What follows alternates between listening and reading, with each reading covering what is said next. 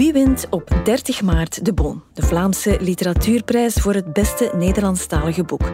Wie volgt dan Marieke Lucas Rijneveld op, die vorig jaar de winnaar was van de allereerste editie?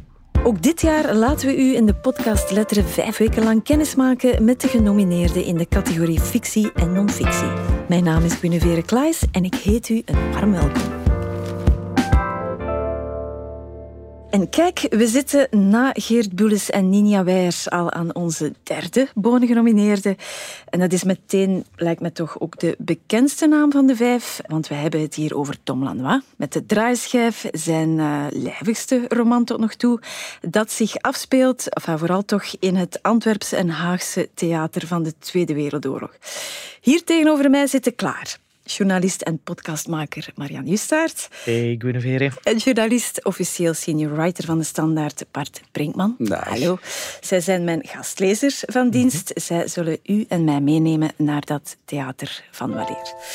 Marian, van jou weet ik al dat jij grote fan bent. Hè? Want ja, jij hebt in ik heb de eindejaarslijstjes... je, je hebt de draaischijf zelfs genoemd als het boek van 2022. En ik was niet alleen, hè. Er Nee, waren zeker er nog niet. een paar, eh, paar andere. Ik Maar me jouw part gesterkt. weet ik het eigenlijk nog niet. Dus misschien voor we beginnen, alvast even kort, is jouw oordeel even lyrisch als dat van Marian, of misschien net iets minder? Of misschien net iets meer. Ik, eh, ik, ik, ik herinner me niet meer wat Marianne toen in de eindejaarsbijlage gezegd heeft, maar ik ben zeer lyrisch over het boek. Ik vind het de beste roman van Tom Lanois. Echt een roman waar al zijn eruditie, zijn kunde... Hij is op jaren gekomen en dat merk je. Het is een steengoed boek. Kijk eens aan, we zitten hier met twee, Twee fans ja, ja. Maar laten we even rustig beginnen toch. Voor wie het boek nog niet las, eh, zal het ongetwijfeld welkom zijn dat een van jullie misschien even kort schetst wat er precies gebeurt in de draaischijf. Bart, aan u de eer. Wel, eigenlijk, zoals je zo net al verteld hebt, het speelt zich af in de oorlog, zowel in Antwerpen als in Den Haag. En het gaat eigenlijk over twee broers, de gebroeders de Smet, waarvan de ene is de grote man in de Bourla Schouwburg, hè, een regisseur, een, een man die van alles in scène kan zetten en getrouwd is met een Joodse vrouw. Dat is eigenlijk de tweede persoon. Maar, en dan de derde is dan de tweede broer, is een bekende orkestleider, een componist. En het interessante is dat de regisseur niet echt in de collaboratie zit met zijn gedachten, maar er wel stilaan in verzeilt. En de broer zelf, dus de, de componist, is een hardliner, een SS'er, een fan van Wagner. En dus het boek gaat eigenlijk over culturele collaboratie. En wat er met die mensen, hoe dat die dachten en hoe het hen vergaan is. En zijn vrouw, voor alle duidelijkheid, is zijn Is een steractrice. Is een steractrice, is een Joodse en komt natuurlijk onder de indruk van de oorlog. Ja. En als En mensen moet zich- dan stoppen op een gegeven moment met acteren, hè? Ja. Absoluut. Dus moet, het is de muze ook. Hè. Ja. De vrouw en de muze, hè, het grote liefde, maar moet toch stoppen.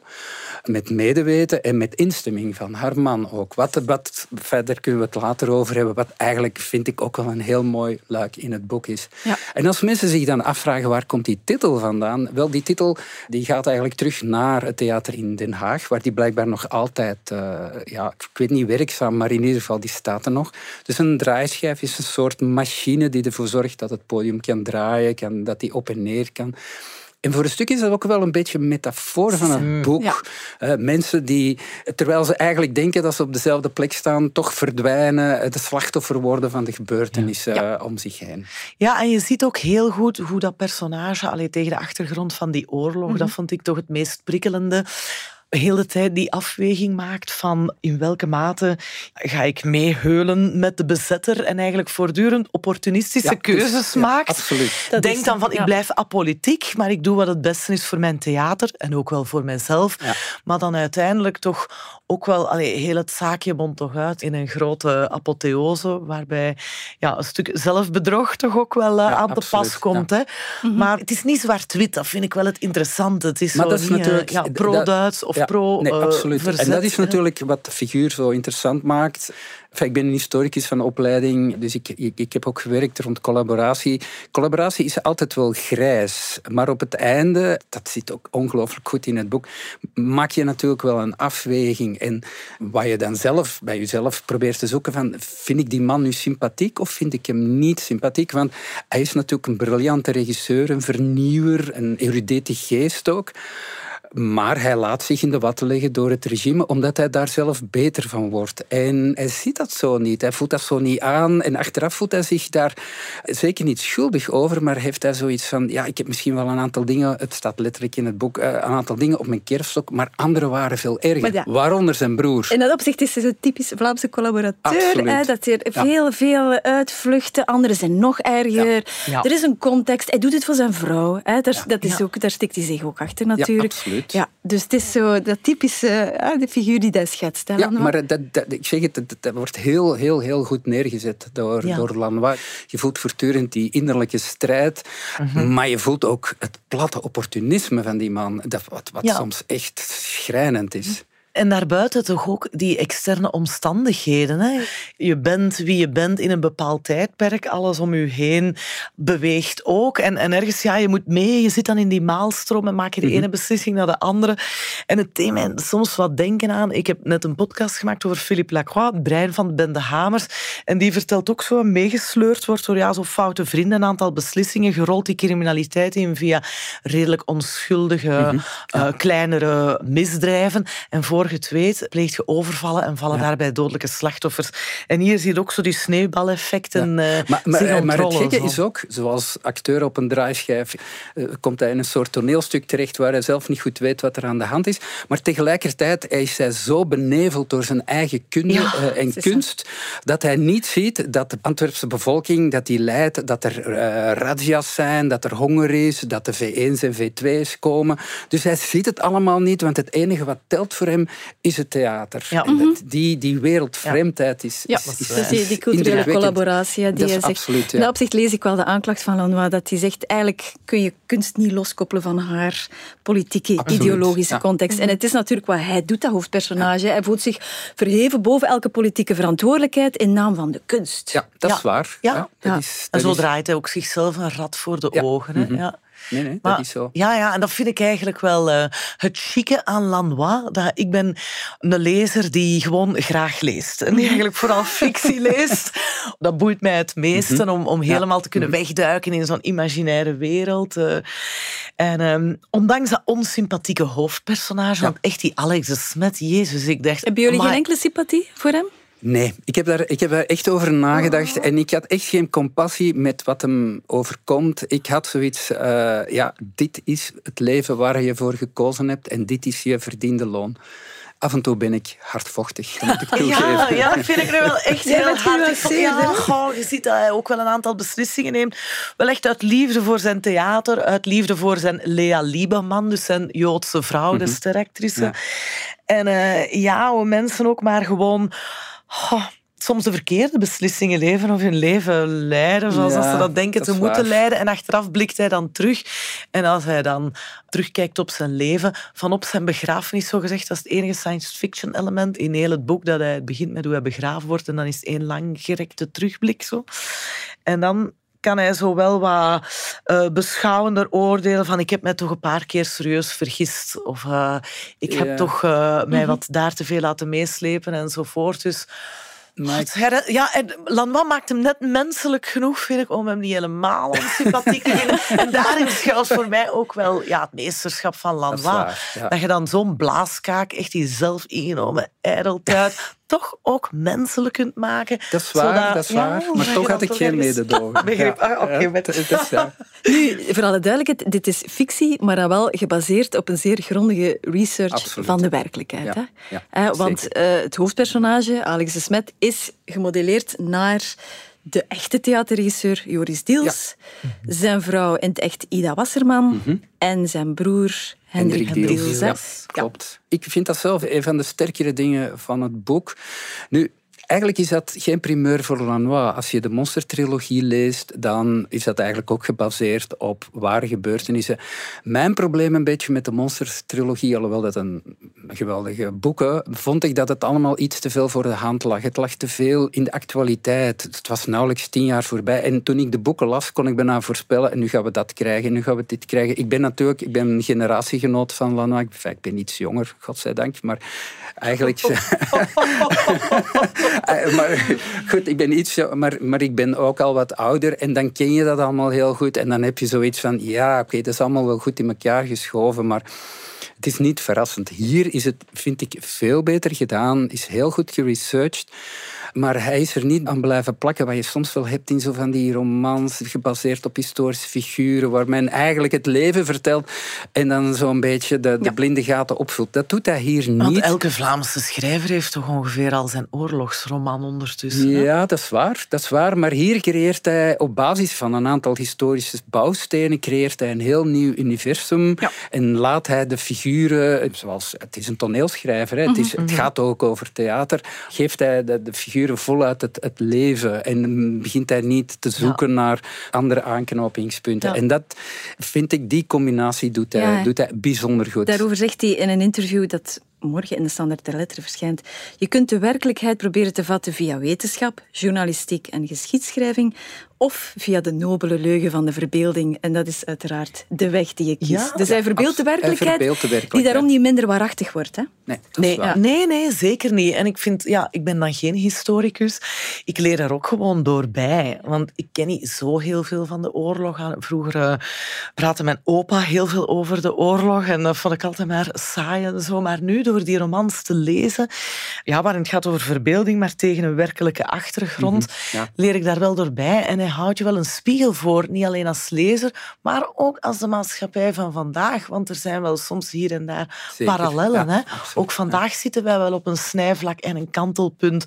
Of ook vandaag uh, komt de vraag soms opborrelen van in welke mate kan kunst zich onttrekken van politieke verantwoordelijkheid. Of omgekeerd. Uh... Plus collaboraties van alle tijden. Ik denk dat ze dat in Oekraïne ook wel meemaken. In bezette gebieden ga je meewerken met de Russen, ga je niet hm. meewerken. Wat is je eigen positie? Ga je profiteren van de opportuniteit die geboden wordt? Het is echt van alle tijden. Daarom is het thema ook zo interessant, omdat het echt gaat naar, naar, de, ja, naar de menselijke natuur van hoe past hij zich aan aan omstandigheden die misschien niet gezond zijn, waarvan je zelf wel weet van dat is hier niet kosher, maar je probeert wel je eigen weg te zoeken. En, en dat, dat, dat, citeert dat ook heel goed in. Ja.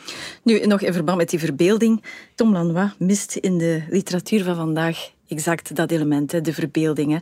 Hij heeft dus gezegd dat de moderne literatuur verworden is tot een selfie-literatuur met persoonlijke romans over coming of age en lastige ouders. Het is bijna allemaal bekentenisliteratuur.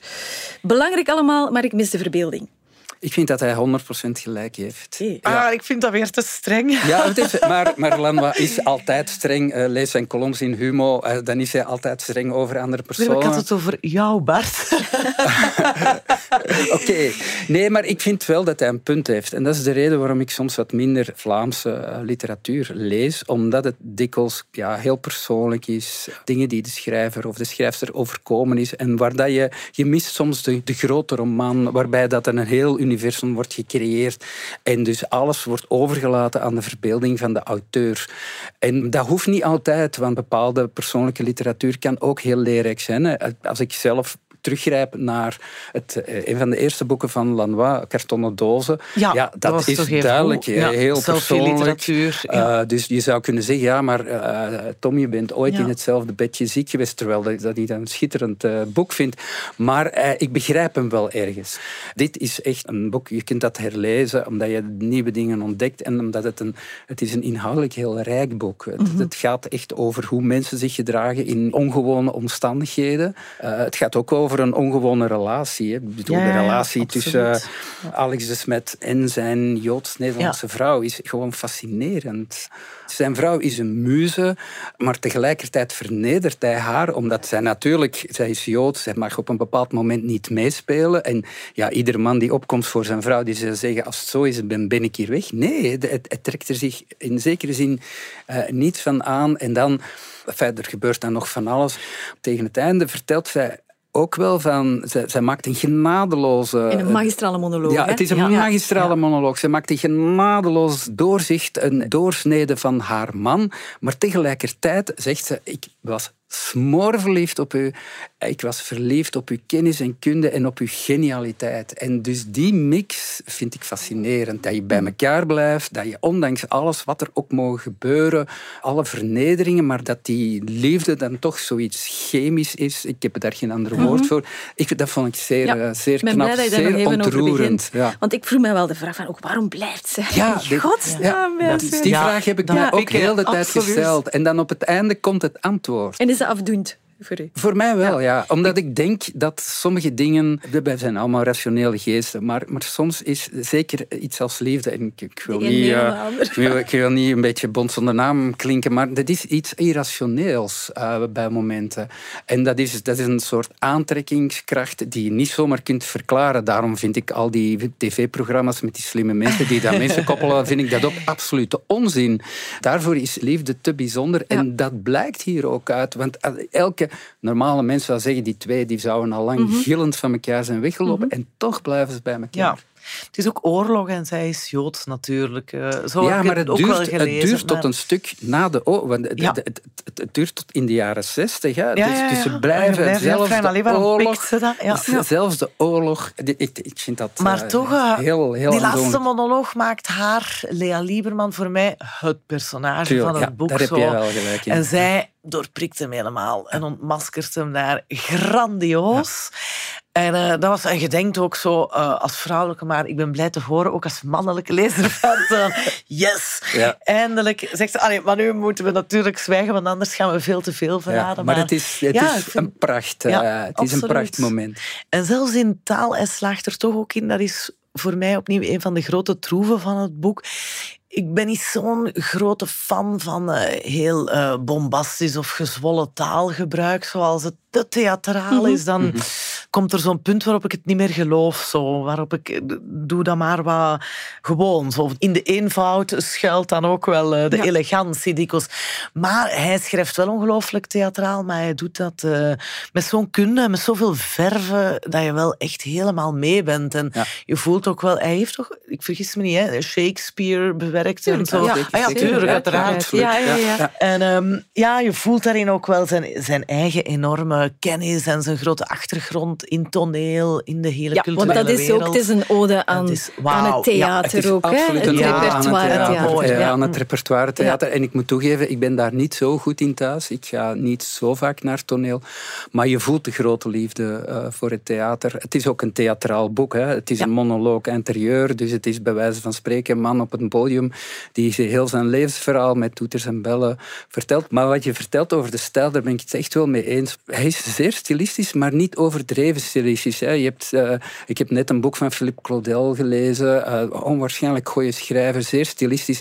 Maar soms struikel je over de zoveelste metafoor. Dan denk ik, ja. het is wel goed gevonden, maar we zitten al vier metaforen ver en je hebt nog maar twee zinnen verteld. Dus, dus hij doet dat heel... Onnadrukkelijk, hè? Ja, en, maar hij is zeer zelfbewust daarin. En dat is echt wel sterk. Hoe bedoel je zelfbewust? Ja, je voelt dat hij duidelijk weet hoe hij die zinnen moet poneren. Hij laat ze niet zomaar los. Dus hij, hij, doet het zeer wel overwogen, maar ook in de keuze van zijn humor en van zijn vergelijkingen, van zijn metaforen, is hij zeer zelfbewust. Hij regisseert ze goed, hè? Hij regisseert zichzelf heel goed, ja. En dat is wel, zoals ik zei, dat is een gevaar dat je in sommige van zijn romans wel hebt, dat zijn barok taalgebruik eh, met hemzelf aan de loop gaat en dat je denkt van, Tom, nu ben je wel een beetje vermoeiend bezig. Dat heb ik in, in dit boek had nu we toch op zinsniveau bezig zijn, wil je misschien, of jullie allebei, eens een passage eruit halen die jullie specifiek is bijgebleven? Wel, ik heb een passage uh, gezocht en heel bewust heb ik een passage genomen uit het begin van het boek, mhm. omdat uh, ik de luisteraar die het boek nog niet gelezen heeft, absoluut niet wil spoilen, omdat ik gewoon wil zeggen, uh, mensen, lees dit boek gewoon, je moet dit lezen. Het is een geweldige openingsscène. Het is een scène dat je bij wijze van spreken in een serie van HBO terugvindt. Dus hij, hij regisseert ook, enfin, regisseren is een groot woord, want hij, heeft het niet meer in de hand. Maar hij vertelt over zijn eigen begrafenis. Nu, ja, dit is natuurlijk het toppunt van het ijdeltuiterij, over uw eigen begrafenis vertellen. Maar dan gaat het zo. O mijn God, in wie ik niet geloof, laat het pijpenstelen regelen. Als voor een zonvloed. Laat de hagelbollen neerklitteren als mini-meteoren. Doe het bliksemen en donderde als in de hel. Maar sta niet toe dat het misert op mijn laatste dag. Ik verdien een hamerslag als afscheid. Geen ruisend, suizelend, laf gezever. En dat is natuurlijk de kern. Het misert. Hm? hm? Eh, er is niemand op zijn begrafenis, alleen eh, twee uh, bedienden die zijn... Knekelknechten. Knekelknechten, die zijn kist in Spaanderplaat godbeterd in een bijna anoniem graf gooien op het Goonselhof, nota bene, waar natuurlijk het ereperk is, waar, waar alle groten van de literatuur netjes bij elkaar begraven liggen. En hij wordt ergens weggestoken. Nobody cares. Zijn werk is volledig vergeten. Het is echt een nobody geworden. En dat is, dat is een fantastisch begin van een roman. Hè. De, de, die, die, je weet nog niet wat er gaat gebeuren. Je weet nog niet hoe roemrijk hij is geweest. Maar je weet wel dat hij in een anoniem graf is terechtgekomen waarbij echt niemand naar hem komt kijken, waarbij ook niemand om hem huilt. Dus mhm. dat is wel hard. En dat is het begin, hè? Dat is pagina, dat is het begin, dat is pagina 14. Dus dat is echt het begin. Dus dat is een, eh, ik vind een fantastische binnenkomer. Ah alle illusies doorprikt. Alle illusies zijn doorprikt. En, toch gaan we nu en ook zo dat hij tenminste echte regen verdient. Of wat is dat? Ja. Uh, de miserige... Ja. ja. dus zelfs op de laatste dag van zijn leven moet het hagelen. Want iedereen moet horen dat zijn kist het graf ingaat. En in plaats daarvan is het een, is het een misertje dat, je natuurlijk niet hoort. En dat alleen het zicht benevelt. Hè. Dus je ziet zelfs niet dat hij in het graf verdwijnt. Het is fantastisch gedaan. Ja, absoluut. Maar jij zit dieper, zie ik. Ja, ik zit op uh, pagina 189. Daar is hij al aan het vertellen. Hij heeft in Antwerpen een fantastisch gezelschap met zijn vrouw, maar de oorlog is net uitgebroken. Beetje context. En uh, ze zijn gevlucht naar Frankrijk met hun twee, dus Alex de Smet en Lea Lieberman, zijn vrouw. En daar leefde hun liederlijk leven. Er zijn nog veel figuren uit de culturele wereld gevlucht. Maar zijn broer Rick de Smet niet. Die is in Antwerpen gebleven. En die belt hem op een gegeven moment. Die zegt, Alex, je moet terugkomen. We gaan terug stukken maken enzovoort. Iedereen vraagt naar jou. En je voelt al zo die broer die heb ik echt van pagina 1 tot het einde nooit betrouwd. nu, die kiest wel van in het begin heel duidelijk kant. Dat kan je dan weer van die Alex de Smet niet zeggen. Dat is nog meer een kazakken draaien. Hij dirigeert ook in SS-uniform. Ja, ja, ja, maar ik had het dus helemaal niet voor Dirk. En Dirk zegt, Alex, je moet terugkomen. En dan uh, kruipen we dus in het hoofd van uh, het hoofdpersonage, Alex de Smet. Ik ging op en wist genoeg. Ik werd gevraagd om wie ik was, om wat ik betekende. En als ik het niet deed, deed iemand anders het wel. Iemand die minder geschikt was dan ik. Teruggaan was de politiek van het minste kwaad. En ze gaan terug daarna. En daar voel je zo hoe en voor zichzelf... van die collaboratie eigenlijk. Hè? Van politiek van het minste kwaad. Het, is, het, van het, het, het, was echt de dooddoener van elke collaborateur. Nu, jij noemde het al zijn beste tot nog toe. Hè? Jullie zijn dus sowieso kenners van het oeuvre van Tom Lanois, mag ik begrijpen? Ja, toch wel. Ja, ik denk, ik denk jij dat beter dan ik. ik ben, ben niet zo goed thuis in zijn toneelwerk, moet ik toegeven. Uh, maar ik denk, qua proza heb ik alles van hem gelezen. En, en zoals ik al zei, ja, we zijn een beetje En ik vertelde net dat over kartonnen dozen. Voor mij is dat een heel belangrijk boek geweest. Uh, ik vond dat een herkenbaar boek. Dat was ook een emancipatorisch mm boek. Dus dat was, dat was echt een heel goed startpunt. En dan ben ik hem blijven lezen. Trouw blijven volgen. Ben ik hem heel trouw... Niet alles vind ik even goed. Maar ik was ook heel aangedaan door Sprakeloos. Uh, was, was echt een heel mooi boek over zijn moeder. Heel aangrijpend ook. En, zijn moeder die na een beroerte haar taal verliest ja, ja. En, en zeer... Eh, de, de, de, zijn moeder die hem de liefde voor het toneel heeft, uh, heeft bijgebracht. Die, die ook amateurtoneel deed. En dan plots inderdaad de mhm. spraakverlies. Helaas verschrikkelijk verfilmd. Maar het, het boek is echt geweldig. En, maar dit is omdat ik... Ja, er komen een aantal dingen samen voor mij. En één, ja, Lanois, die ik heel graag lees, maar ook ja, ik ben altijd bezig geweest met de oorlog, met collaboratie. Mhm. En dan, dus van zodra ik hoorde dat het boek er was, heb ik mhm. het ook gelezen. Dus, dus omdat ik denk, ja, dat zijn twee dingen die samenkomen. En ik heb me mhm. nooit bedrogen gevoeld, moet ik toegeven. Ja, ik dacht, altijd, ik dacht altijd dat hij nooit over sprakeloos zou kunnen. Maar dan las ik daarna Gelukkige Slaven. Dat was de opvolger, hè? of dat was niet, niet lang daarna. Ik weet wel nog dat ik na Gelukkige Slaven ook echt blown away was. En dat ik mij nog die bedenking maakte van wow, ik dacht niet dat hem ooit nog een beter boek zou schrijven dan Sprakeloos. En dit is toch weer fantastisch goed. En... Mm. Over Sprakeloos zegt hij trouwens in het interview morgen van je kunt mij niet begrijpen zonder Sprakeloos te lezen. Dat denk ik. Ja, het is een andere vertolking van, dezelfde gevoel, van hetzelfde gevoel voor taal, toneel, politiek, allemaal één.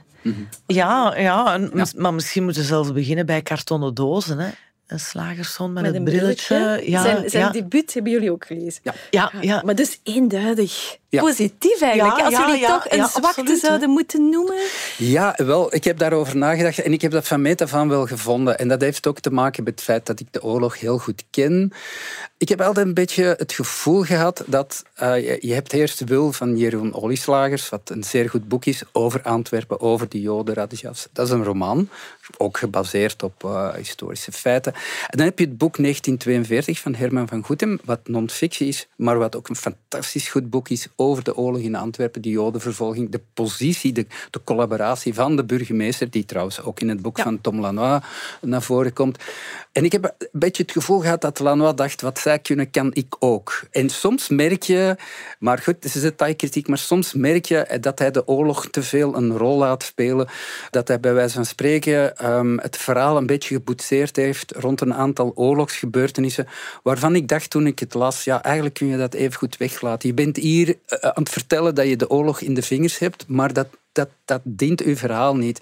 Ja, als bij mij dan één uh, puntje zou zijn, is het uh, dat door natuurlijk um, dat je wel werkt met fictieve hoofdpersonages, mhm. die dan wel ergens uh, gebaseerd zijn op bestaande figuren, mhm. maar met bestaande feiten, dat soms uh, moeilijk is om te weten wat is feit, wat is fictie. Nu, in dit boek heb ik me daar eigenlijk niet echt uh, aan geërgerd. Ik denk nu wel aan 1985, de serie mhm. die uh, op tv is op uh, zondagavond op VRT en RTBF. En daar heb je dat ook zo. Hè? Fictieve hoofdpersonages die zich tegen een historische achtergrond bewegen. Maar goed, ik vond dat eigenlijk vooral leerrijk. Ik had dan wel door zo dat het over Leo Delwijde ging enzovoort. Dus mij heeft dat niet gestoord. Eigenlijk is jullie antwoord al duidelijk. Maar goed, dit boek verdient de boon volgens jullie, hè? Marian? Volmondig, ja. En Lanois verdient ook de boon. Voor mij is het dan zelfs een beetje voor uh, meerdere boeken. Voor zijn oeuvre. Voor zijn oeuvre. Uh, Mag je die zeker hebben, verdient hij die ook volmondig. Maar ik vind het moeilijk om te vergelijken. Eén, omdat ik de andere genomineerden niet gelezen heb, maar ook omdat ik dat eigenlijk niet simpel vind om fictie en non-fictie uh, samen te beoordelen. Ja, het blijft, blijft wat wringen. Ja, daar ben ik het eigenlijk wel mee eens. Natuurlijk verdient hij de prijs, maar ik kan eigenlijk niet vergelijken. en dus is, zou het een maar zonder te vergelijken, dit boek op zich Ja, dit boek verdient absoluut... Uh, ik, vind dit, ik vind dit een must-read voor, voor elke Vlaming. Ja, als je een goed boek wil lezen, wat, wat je veel vertelt over je eigen land, bij wijze van spreken, dit is ook het verhaal van Vlaanderen als je daar echt begrip wilt voor krijgen en, en als je tegelijkertijd een, een heel goed verhaal wil lezen, ja, dan moet je gewoon dit boek lezen. Er is geen enkele twijfel over. Ja, pas op 30 maart weten wie of, of hij Marike Lucas Rijneveld mag opvolgen, die hij hooglijk bewondert trouwens. Ja, terecht. Ja. Beste Marian, beste Bart, dank je wel. Heel graag gedaan. Graag gedaan. En zo zit deze derde special van Letter erop. Vergeet niet dat u zelf kunt meestemmen op uw favoriete boek. Dat kan tot en met 26 maart via standaard.be-de boon. U kunt er een weekendje Gent mee winnen. Dank voor het luisteren. Volgende vrijdag is er een nieuwe letteren en dan komen Eva Bergmans en Hans Kotijn ons vertellen over het bijzondere boek Tekenen van het Universum van Amy Koopman.